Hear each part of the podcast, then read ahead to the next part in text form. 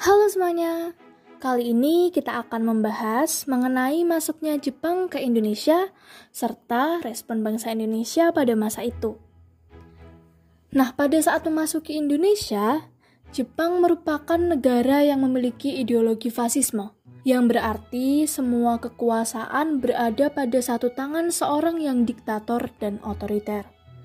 Nah, gimana sih cara Jepang memasuki dan memerintah Indonesia pada masa itu? Yuk kita simak penjelasannya.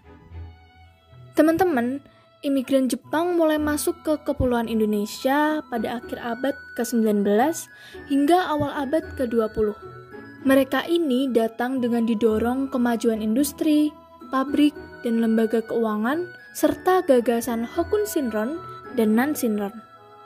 Kemenangan Jepang dalam Perang Pasifik menjadi permulaan masuknya bangsa Jepang ke Indonesia. Dalam Perang Pasifik, pasukan Jepang berhasil meluluh lantahkan pangkalan perang Amerika Serikat di Pearl Harbor pada tanggal 8 Desember 1941. Serangan ini dilakukan oleh Jepang ke pangkalan militer Amerika Serikat dan kemudian berlanjut menyerang Indonesia. Pada bulan Januari 1942, Jepang berhasil mendarat dan memasuki Indonesia melalui Ambon dan menguasai wilayah Maluku. Selang beberapa waktu, Jepang juga berhasil menguasai wilayah Tarakan dan beberapa wilayah di Jawa. Proses pendaratan pasukan Jepang kemudian diikuti dengan penguasaan atas kota-kota di pedalaman. Tindakan yang dilakukan Jepang ini tentu saja mengancam posisi dari Batavia sebagai ibu kota pemerintahan Hindia Belanda. Oleh karena itu, teman-teman, pada tanggal 4 Maret 1942, pemerintah Hindia Belanda menyatakan pusat pemerintahan dipindahkan ke Bandung. Nah, kondisi ini memberikan peluang bagi Jepang untuk menguasai Batavia. Jepang kemudian mengubah nama Batavia menjadi Jakarta pada tanggal 8 Maret 1942. Selain Jakarta, di waktu yang hampir bersamaan, Jepang juga berhasil menguasai kota-kota lain seperti Subang, Sukabumi, Bogor, dan Cianjur. Berbagai tindakan yang dilakukan oleh Jepang tersebut tentu saja mendapatkan respon dari pihak Hindia Belanda. Pasukan sekutu yang terdiri dari Belanda, Amerika Serikat, Australia, dan Inggris kemudian membentuk Komando Gabungan Tentara Serikat atau ABDACOM, American British Dutch Australian Command, yang bermarkas di Lembang. Di satu sisi, pasukan sekutu juga mempersiapkan kadet dari Akademi Militer Kerajaan dan Korps Pendidikan Perwira Cadangan di Jawa Barat, 4 batalion infanteri, dan satu batalion marinir.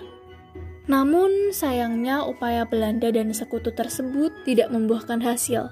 Jepang tetap mampu menguasai Indonesia atas Hindia Belanda.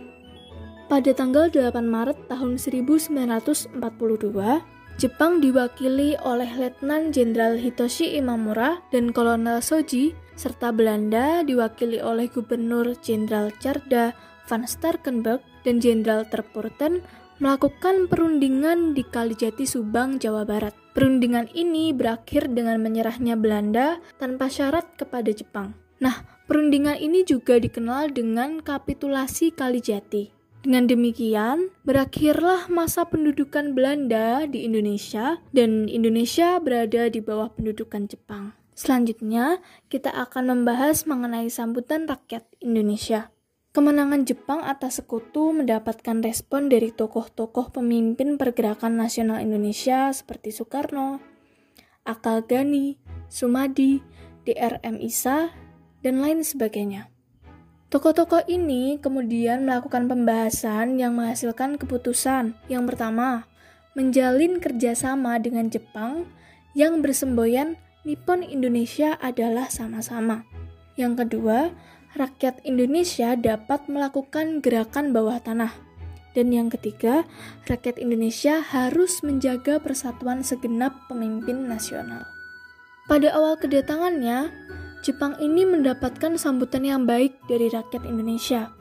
Jepang juga membuat kebijakan-kebijakan yang berpihak dan menguntungkan bangsa Indonesia. Antara lain, bendera merah putih boleh dikibarkan berdampingan dengan bendera Jepang, yaitu Hinomaru. Kemudian, lagu kebangsaan Indonesia Raya boleh dinyanyikan dan diperdengarkan di samping lagu Kimigayo milik Jepang. Bahasa Indonesia pun boleh digunakan oleh masyarakat. Propaganda turut digaungkan oleh pihak Jepang. Jepang menganggap bahwa merekalah yang mampu membebaskan rakyat Indonesia dari cengkraman bangsa Barat. Selain itu, Jepang menganggap dirinya sebagai saudara tua dari bangsa Indonesia dan berusaha meyakinkan bangsa Indonesia dengan gerakan 3A. Kebijakan tersebut dibentuk oleh Jepang memiliki dua orientasi, yaitu yang pertama adalah menghapus pengaruh bangsa barat di kalangan rakyat Indonesia, dan yang kedua adalah melakukan mobilisasi terhadap rakyat Indonesia untuk kemenangan Jepang dalam Perang Asia Timur Raya. Kemudian kita akan membahas terkait dengan pembentukan pemerintahan militer Jepang. Nah, pada tanggal 20 Maret tahun 1942, Jepang mengeluarkan peraturan yang bertujuan untuk membubarkan organisasi politik serta berbagai bentuk perhimpunan. Hal tersebut menjadi salah satu cikal bakal pembentukan pemerintahan militer Jepang di Indonesia. Jepang pada saat itu membagi tiga daerah pemerintahan militer yang meliputi daerah di bagian tengah yang terdiri dari Jawa, Madura dengan kekuatan tentara ke-16 atau Asam Sudan yang berpusat di Jakarta. Kemudian daerah yang terletak di bagian barat atau Sumatera dengan pusat militer berada di Bukit Tinggi. Wilayah ini dikuasai oleh tentara ke-25 atau Tommy Sudan. Dan yang terakhir merupakan daerah Indonesia di bagian timur dengan wilayah Kalimantan, Sulawesi, Nusa Tenggara, Maluku, dan Irian Jaya dengan kekuatan armada selatan kedua yang berpusat di Makassar. Jepang berpegang dengan sistem sentralisasi dalam menanamkan pengaruhnya terhadap Indonesia. Beberapa perubahan dilakukan oleh Jepang, di antaranya Jepang menghapus jabatan Gubernur Jenderal pada masa Hindia Belanda dan Panglima Tentara Jepang di Jawa mengambil alih jabatan tersebut. Kemudian, kedudukan pegawai dan pemerintahan sipil Hindia Belanda tetap diakui keberadaannya selama berjanji setia terhadap Jepang. Kemudian yang terakhir adalah status badan pemerintahan dan UU di masa Belanda atau undang-undang di masa Belanda ini tetap diakui sebagai sesuatu yang legal selama tidak bertentangan dengan aturan Jepang. Nah, di sini Jawa menjadi pusat pemerintahan terpenting dari Jepang. Jepang membentuk struktur birokrasi pemerintahan militer Jepang di Indonesia.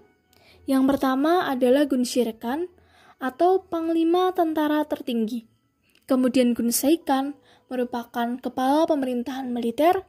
Yang terakhir adalah Gunseibu yang merupakan koordinator pemerintahan militer di daerah. Dari segi militer, Jepang membentuk kesatuan Kempentai atau polisi militer dalam sistem pemerintahan militernya.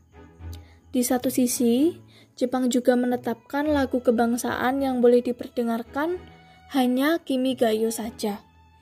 Nah, keadaan tersebut bertentangan dengan propaganda Jepang di awal kedatangannya ke Indonesia.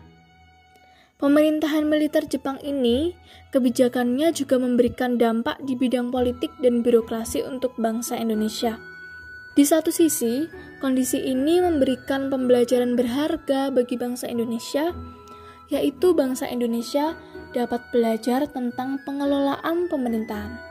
Hal ini tidak terlepas dari adanya ruang bagi bangsa Indonesia dalam beberapa posisi struktural birokrasi pemerintahan militer Jepang seperti gubernur, wakil gubernur, presiden, dan kepala polisi. Kemudian pembahasan kita yang terakhir yaitu terkait dengan pembentukan pemerintahan sipil Jepang. Nah, keberadaan pemerintahan militer Jepang perlu adanya dukungan dari pemerintahan sipil.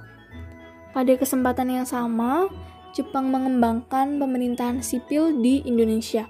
Pada bulan Agustus tahun 1942, Jepang menerbitkan UU nomor 27 mengenai aturan pemerintahan daerah yang diperkuat melalui UU nomor 28.